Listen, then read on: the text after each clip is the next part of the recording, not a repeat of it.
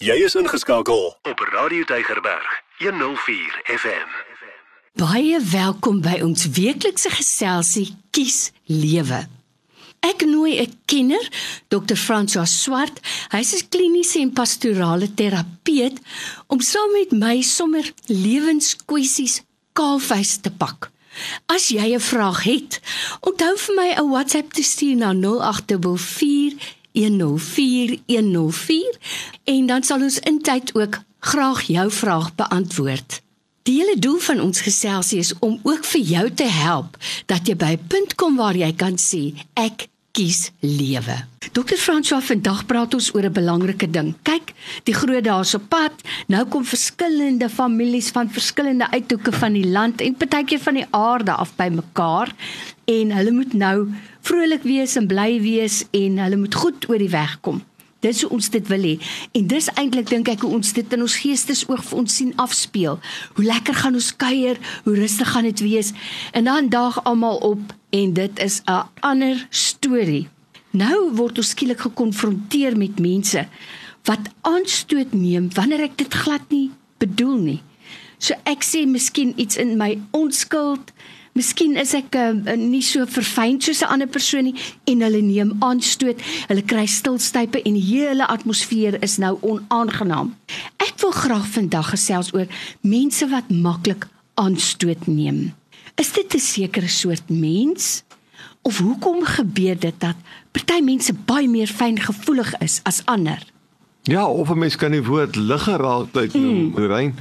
En dit is 'n ding, hierdie tyd van die jaar, daar's soveel kante van hierdie saak. Dit kan binne jou persoonlikheid lê dat jy maklik geagiteerd raak en as jy 'n persoon is wat maklik geagiteerd raak met situasies en onthou die woord agitasie gebruik ons maar baie keer as 'n versamelwoord vir jy raak maklik geïrriteerd of jy raak maklik gefrustreerd. En irritasie is mos nou die definisie soos 'n druppende kraan. Mm. Jy weet jy kan iets daaraan doen, maar jy doen nou maar nie daaraan nie en daar drup die kraan weer. En dan raak jy bietjie opstoppel is en moeilik. Frustrasie is wanneer jy graag iets wil doen, maar die ander wil dit nie doen nie. En maar jy wil dit baie graag doen en hulle gooi nou eintlik 'n obstruksie in die weg dat jy mm. dit nie kan doen nie. Dan raak jy gefrustreerd. Dis kom ons begin by jou inleiding. Dit is hierdie tyd van die jaar wat ons dikwels by mekaar kuier. Dis beplanning is baie baie belangrik. Wanneer jy inbeweeg met vreemde mense of familiemense in 'n kleiner spasie, doen jou beplanning deeglik. Dan ek dink 'n tweede aspek wat 'n mens moet kyk is probeer die gesprekke met die familie en die mense wat jy lanklaas gesien het lig hou. So ons kan miskien volgende keer praat oor ses vlakke van kommunikasie, maar hou jou kommunikasie vlakke op uh, vlak 1 en 2. Mens praat oor die weer, oor die springbokke wat verloor het of wat gaan wen Saterdag. Praat oor Blouberg strand se mooi weer en die wind wat daar waai en al die vlees in die lug. Praat oor algemene dinge. Die tweede vlak van kommunikasie is hoe gaan dit met jou? So 'n bietjie oor gevoelens, maar nie te kwaai oor gevoelens nie, want voordat jy weet, dan het jy 'n diep gesprek oor gevoelens. Mm. Hou dit lig. Dit is belangrik. En liggeraaktheid kan ook wees dat dit iemand is wat manipuleer. Sure. om die heeltyd hoe die Afrikaanse spreekwoord jy, jy gooi jou speelgoed sommer uit die kot uit, sommer baie vinnig mm. as jy nie jou sin kry nie. Nou dit moet regtig na gekyk word en dit kan wees dat jy in daai situasie met grense trek. Jy erken, ek kan sien jy's ontsteld. Ek sien jy voel nie gelukkig nie. Maar iewers sal jy daai persoon eenkant toe moet roep op 'n 1 tot 1 gesprek en sê weet jy die implikasies nou van jou houding is jy bederf dit nou vir ons almal. Mm. En miskien is dit hoe jy werk, dit is hoe jy gekom het waar jy is, maar eintlik moet jy iemand gaan sien en dit vir die persoon sê en as die persoon dan sarkasties is met jou dan moet jy 'n tweede persoon saam met jou vat en met daai persoon in gesprek mm. gaan dat die persoon kan registreer maar dis nie net jy wat so voel nie ander beleef hom of haar ook so dis ons moet maar bereid wees om ook vir mekaar te sê. Weet jy, ek dink jy's nou lig geraak. Uh, ek kan dit ook verkeerd hê. Ek is eerste om vir jou om verskoning te vra, maar ek wil nie hierdie atmosfeer hê nie. Wat kan ons doen om hierdie atmosfeer te herstel dat jy ook gelukkig is? Sjoe, dokter François, dit is eh, 'n uh, mond vol en as ons dit nou so bietjie moet uitpak, dan lyk dit vir my dat daar ook 'n verantwoordelikheid is op die manier waarop ek miskien praat en ek sal dalk moet dink daaraan dat dit mense kan aanstoot gee. Ek is taak georiënteer, so ek sal sê, maak jy gou die uh, aardappelslaai en ek gaan dit en dit en 'n ander persoon lees dit as dat jy bevele gee. So ek sal daaraan ook moet werk, maar dit lyk vir my hier 'n mens moet daai bil maar by die horings pak en waar 'n ou dan wil onttrek of stilstype kry, Ek dink praat liewer daaroor.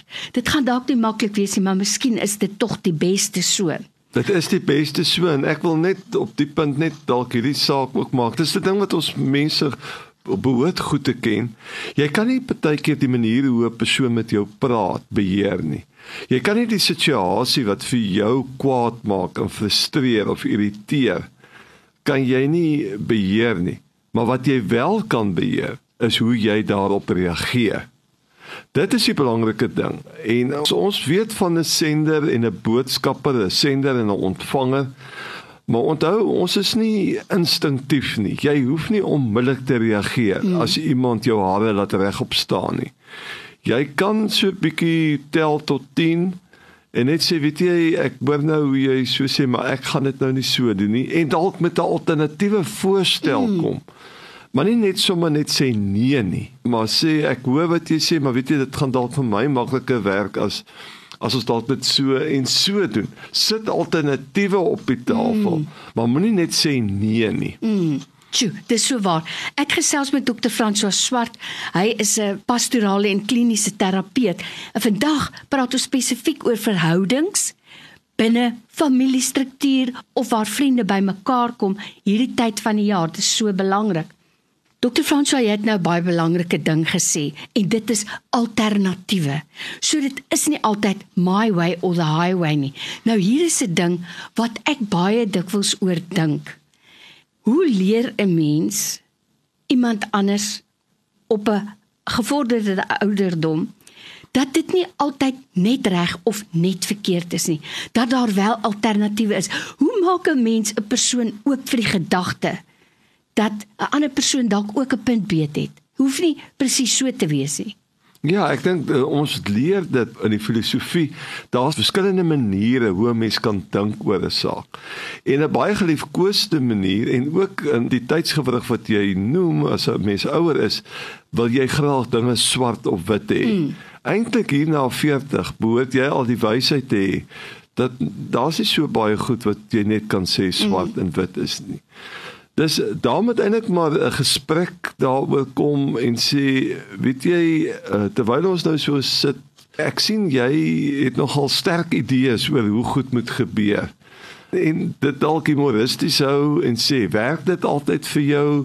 Kan 'n mens dit nie miskien 'n bietjie op 'n ander manier ook doen nie en dan met konkrete voorstelle kom hmm. van alternatiewe maniere om te dink. Dit wat ek baie keer ervaar in die spreekkamer is mense beland in 'n koelde sak, 'n doodloopstraat Lorraine. Hulle weet al vir 40 jaar werk dit vir hulle so en hulle wil hê elke situasie moet so werk. Maar aanpasbaarheid, elastisiteit, soepelheid by ons mense ook as ons ouer is, is 'n belangrike karaktertrek wat 'n mens maar vir die Here moet vra om vir jou elke dag te slyp, om vir jou oop te maak, ook mm. vir ander maniere hoe om dinge te doen.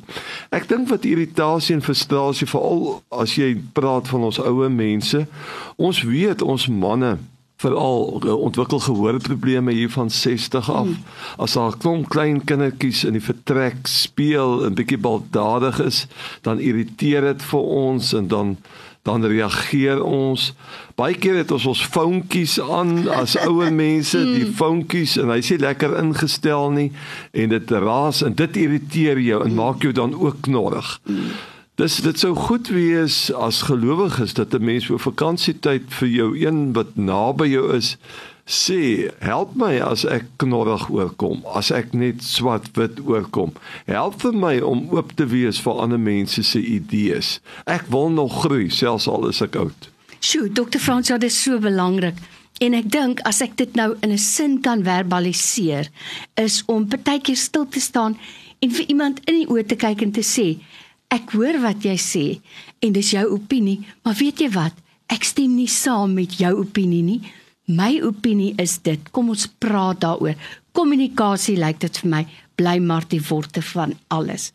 Ag Dr. Fransja vir jou tyd vandag weer. Dit is so kosbaar. Ons waardeer dit. Baie dankie. Dankie Lorraine en die mense met mekaar geniet. Hulle moet nie beklei met mekaar. ja. Elke dag jou nommer 1 keuse. Radio Deugerberg 104 FM.